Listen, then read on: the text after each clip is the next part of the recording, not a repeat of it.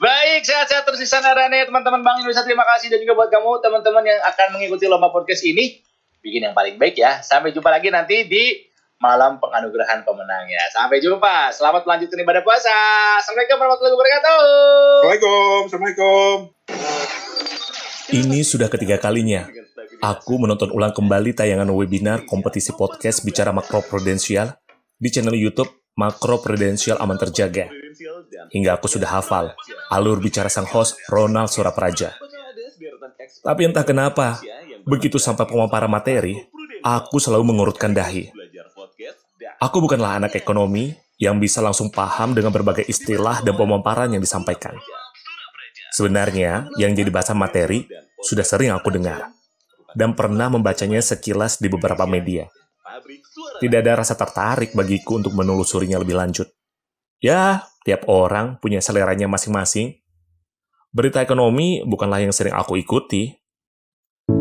Aku kemudian merebahkan tubuhku, bersandar pada tumpukan bantal dan guling yang kususun di tepian dinding kamar. Ku ambil ponsel yang sedari tadi sedang dalam posisi di charge. Jemariku membuka browser, dan memasukkan kata kunci kebijakan makro prudensial. Jempolku berselancar dari atas ke bawah, menekan tombol next untuk pencarian halaman berikutnya. Mencari artikel yang menarik untuk kupelajari. Gara-gara nonton video webinar ini berulang kali dan baca beberapa artikel berita yang saling berkaitan, aku pun mulai sedikit demi sedikit memahami.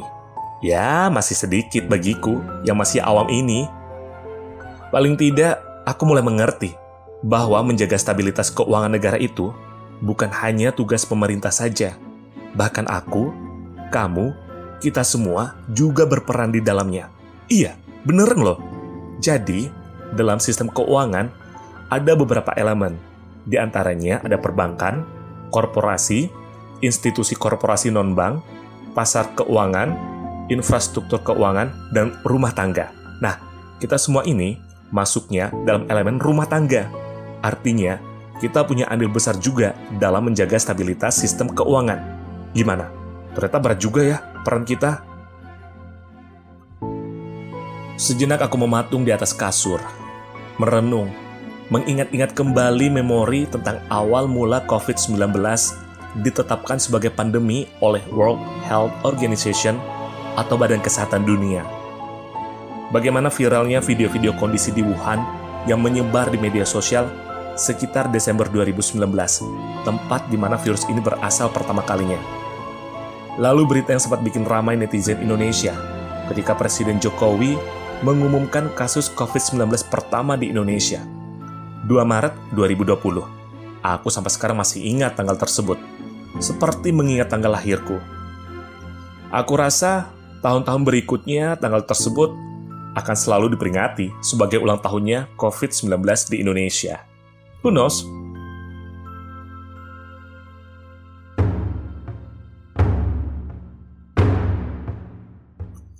Gara-gara COVID-19, satu persatu sektor mulai terdampak. Terutama yang selalu jadi bahasan berita adalah sektor kesehatan dan ekonomi. Kebijakan-kebijakan mulai diberlakukan dan selalu berubah-ubah menyesuaikan keadaan terkini. Lockdown, PSBB, hingga PPKM Mikro. Cara apa saja dicoba? Wajar aja, karena tiap negara, tiap daerah, punya demografis yang berbeda-beda, sehingga tidak ada satu formula pasti yang bisa diterapkan dan terbukti jitu. Sekolah dan kampus yang ramai dengan aktivitas murid dan guru, mahasiswa dan dosen, kini sepi. Mereka lalu bertemu dan belajar secara virtual. Hotel dan penginapan yang ramai dengan wisatawan menginap dalam hitungan hari, kamar-kamar kosong tanpa penghuni. Beberapa teman mulai ada yang update status di media sosialnya. WFH, Work from Home. Beruntunglah bagi mereka yang masih bekerja meski dari rumah dengan segala macam suka dan dukanya. Sementara yang lain hanya di rumah saja, merenung dan berpikir untuk bangkit kembali setelah mengalami PHK. Kejadian ini sedikit kembali mengingatku pada krisis ekonomi 1998 yang melanda negara-negara di Asia. Kala itu, PHK menjadi kata yang sering disebutkan di berbagai media dan jadi topik utama di mana-mana. Sepanjang tahun 2020 lalu, Satu kata yang selalu berseliweran di mana-mana adalah resesi. Ya, akhirnya Indonesia masuk jurang resesi setelah Badan Pusat Statistik mengumumkan pertumbuhan ekonomi Indonesia minus 5,32 persen pada kuartal 2, minus 3,49 persen pada kuartal 3. Dan dampak resesi ekonomi pun langsung terasa dengan berkurangnya lapangan pekerjaan dan meningkatnya angka kemiskinan. Sedih banget melihat apa yang terjadi gara-gara virus corona ini. Aku pun menenggak botol minumanku, mengambil beberapa kue kering yang kudapatkan dari teman sebagai hampers lebaran. Izinkan aku untuk rehat sejenak.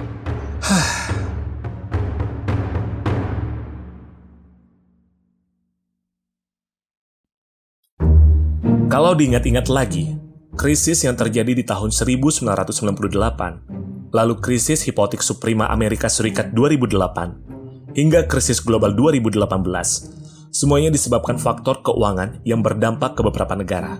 Beda banget dengan krisis yang terjadi di tahun 2020 ini.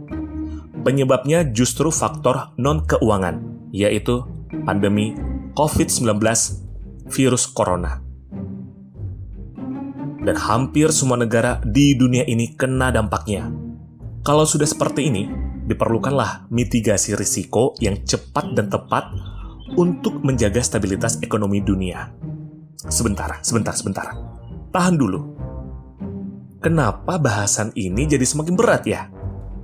Padahal sebelumnya, aku benar-benar menghindari baca artikel yang terkait dengan penanganan dan pemulihan akibat pandemi COVID-19 Aku tipe orang yang percaya saja pada pemerintah bahwa mereka akan mengambil keputusan dan kebijakan yang tepat serta yang terbaik untuk negara tercinta kita, Indonesia.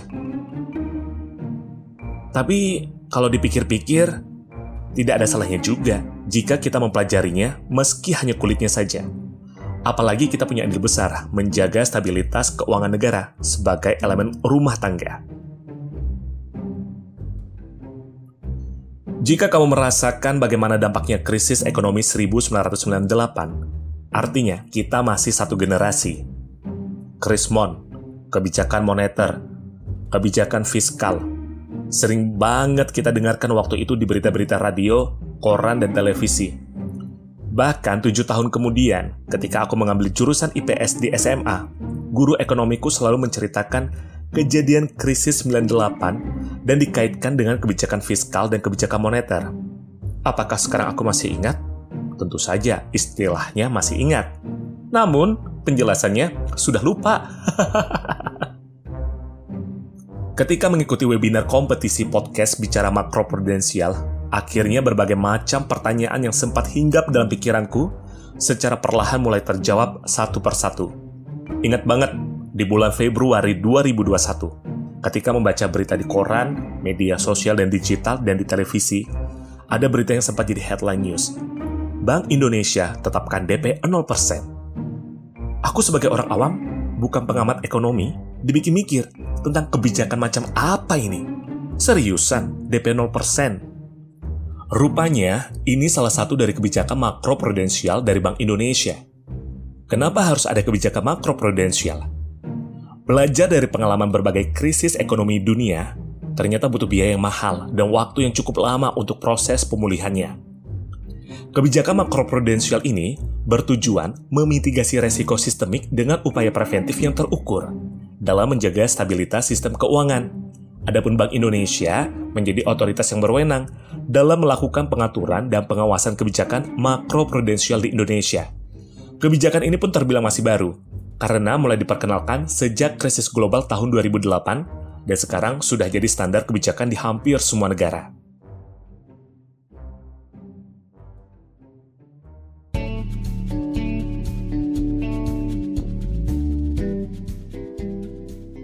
Hamin 7 jelang penutupan bicara makroprudensial podcast competition.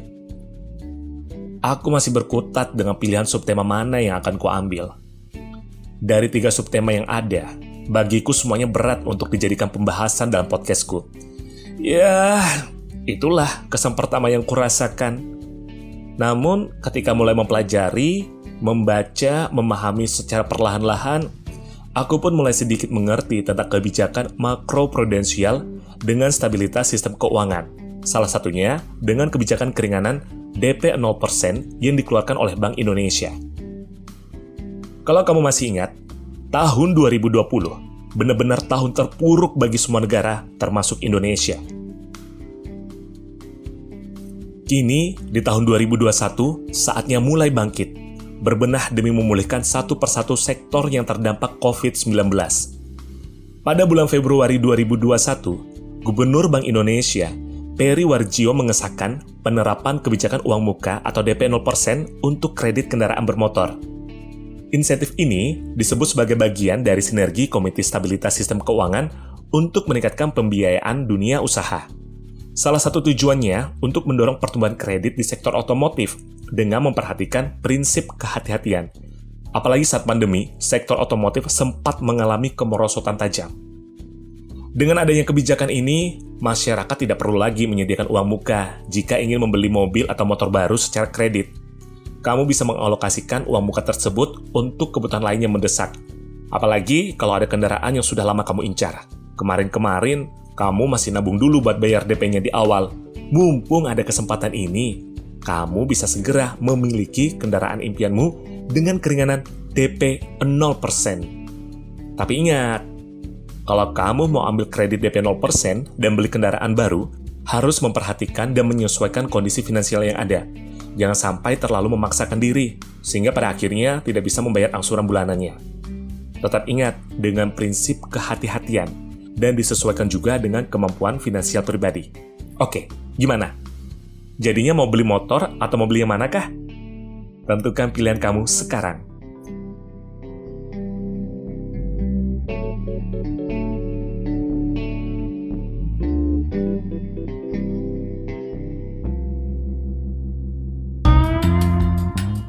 Baiklah, kalau kamu merasa lagi nggak butuh kendaraan baru, bagaimana dengan penawaran rumah baru dengan keringanan yang sama. Relaksasi ini berlaku untuk semua jenis properti, mulai dari rumah tapak, rumah susun, ruko, dan rukan. Jika sebelumnya BI mengubah ketentuan rasio uang muka kredit rumah, loan to value LTV kredit, dan pembiayaan properti dari semula 85% sampai 90%, maka sekarang menjadi 100%. Artinya, pembelian rumah yang semula memerlukan uang muka atau down payment sebesar 10% sampai 15% kini bebas DP. Gimana? Apakah kamu tertarik menambah asetmu?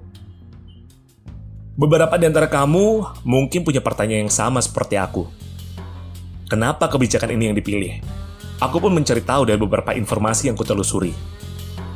Dilansir dari CNN Indonesia, Asisten Gubernur Departemen Kebijakan Makroprudensial, Juda Agung menyebutkan bahwa stimulus ini dikeluarkan untuk mendorong konsumsi yang masih rendah. Padahal, tabungan perseorangan, khususnya kelompok masyarakat kaya, justru mengalami pertumbuhan di tengah pandemi COVID-19. Kelompok tabungan di atas 2 miliar rupiah mengalami kenaikan 21,27 persen pada Desember 2020. Karena itulah, dengan stimulus plus pemangkasan suku bunga acuan, pihaknya berharap uang tabungan akan dialihkan dalam bentuk aset lainnya. Salah satu bentuk investasi yang dilirik adalah properti. Kenapa dua sektor ini yang diberikan relaksasi? Seperti penjelasan Barani Wijayanti di webinar Bicara Makroprudensial, bahwa otomotif dan properti dinilai sebagai sektor potensial yang mampu membantu momentum pemulihan ekonomi Dua sektor ini punya kontribusi terhadap pertumbuhan ekonomi tinggi, jumlah tenaga kerja yang banyak, keterkaitan dengan sektor lain yang tinggi, dan pangsa ekspor dan kredit besar. Apalagi berdasarkan data terakhir, dua sektor ini sudah mulai bangkit meski belum pulih total. Jadi perlu didorong lagi dalam masa pemulihan ekonomi ini. Adapun keringanan DP 0% ini berlaku efektif dari 1 Maret 2021 sampai dengan 31 Desember 2021. Tapi yang perlu diingat, hanya bank yang mencatatkan posisi rasio kredit macet NPL atau NPF di bawah 5% yang bisa memberikan DP 0%. Untuk bank yang memiliki BPL atau NPF di atas 5% akan tetap dapat pelonggaran, namun hanya di kisaran LTV 90 95%. kecuali untuk pembelian rumah tapak dan rumah susun pertama semua sama, yakni 100%. Sampai di sini, aku harap teman-teman yang masih awam seperti aku sudah mulai tercerahkan dan mulai mengerti dan memahami sedikit demi sedikit tentang kebijakan ini. Kebijakan makroprudensial hanyalah salah satu dari sekian banyak kebijakan yang digunakan otoritas terkait dalam menjaga stabilitas sistem keuangan Indonesia. Selain itu, masih ada kebijakan-kebijakan lainnya seperti kebijakan fiskal, moneter, dan mikroprudensial yang dikeluarkan oleh Kementerian Keuangan, lembaga penjamin simpanan, dan otoritas jasa keuangan yang tergabung dalam Komite Stabilitas Sistem Keuangan bersama Bank Indonesia. Mereka lah yang menjadi penjaga gawang stabilitas sistem keuangan Indonesia di masa-masa krisis ini. Wah, sebuah pekerjaan yang sangat menguras energi tentunya. Aku saja yang hanya membaca dan mempelajari artikelnya sudah dibuat pusing yang melebihi tujuh keliling. Meski kita bukan anak jurusan ekonomi, bukan pengamat ekonomi, apalagi ahli ekonomi, yang terpenting kita pernah belajar tentang ekonomi waktu masih sekolah dulu. Dan sekarang, kita seperti mengulang lagi pelajaran ekonomi di masa-masa SMA. Paling tidak, jika ada pertanyaan tentang apa itu kebijakan makroprudensial, kenapa ada DP 0%, bisalah kita menjelaskan kepada teman-teman awam lainnya. Kalau sama anak ekonomi, aku yakin mereka sudah lebih paham dan sudah pernah mempelajarinya di waktu kuliah dulu. Sekarang, bulan Mei tinggal menghitung hari. Keringanan kredit dari Bank Indonesia ini masih berlaku sampai akhir tahun 2021 ini. Masih ada waktu untuk mempertimbangkan kembali keputusan mana yang akan kamu ambil. Beli kendaraan baru karena sudah lama mengincarnya, atau beli rumah baru untuk investasi aset. Namun yang terpenting saat ini adalah bersama-sama kita mendoakan yang terbaik untuk dunia yang tengah berjuang dan bangkit dari keterpurukan akibat pandemi COVID-19, khususnya di negara tercinta kita, Indonesia. Dengan berbagai upaya yang dilakukan oleh pemerintah di segala bidang, kita optimis Indonesia pasti bisa bangkit kembali. Amin. Tentunya kita sudah rindu bekerja di kantor sambil bergosip kala jam istirahat. Rindu dengan teriakan anak-anak di sekolah saat mendengar bel jam istirahat dan pulang sekolah. Rindu dengan suasana kampus, bolak-balik revisi skripsi, foto-foto wisuda bersama teman-teman seperjuangan. Rindu berlibur dan menginap di hotel, rindu bisa berjabat tangan dan memeluk erat saat bertemu dengan kawan lama. Namun, tetap ingat untuk selalu menerapkan pola hidup bersih dan sehat dengan selalu mencuci tangan sebelum makan. Aku yakin kamu juga punya harapan yang sama bahwa waktu itu akan segera tiba dalam waktu dekat ini. Di saat kita mulai diinstruksi untuk melepaskan masker ketika berkegiatan sehari-hari.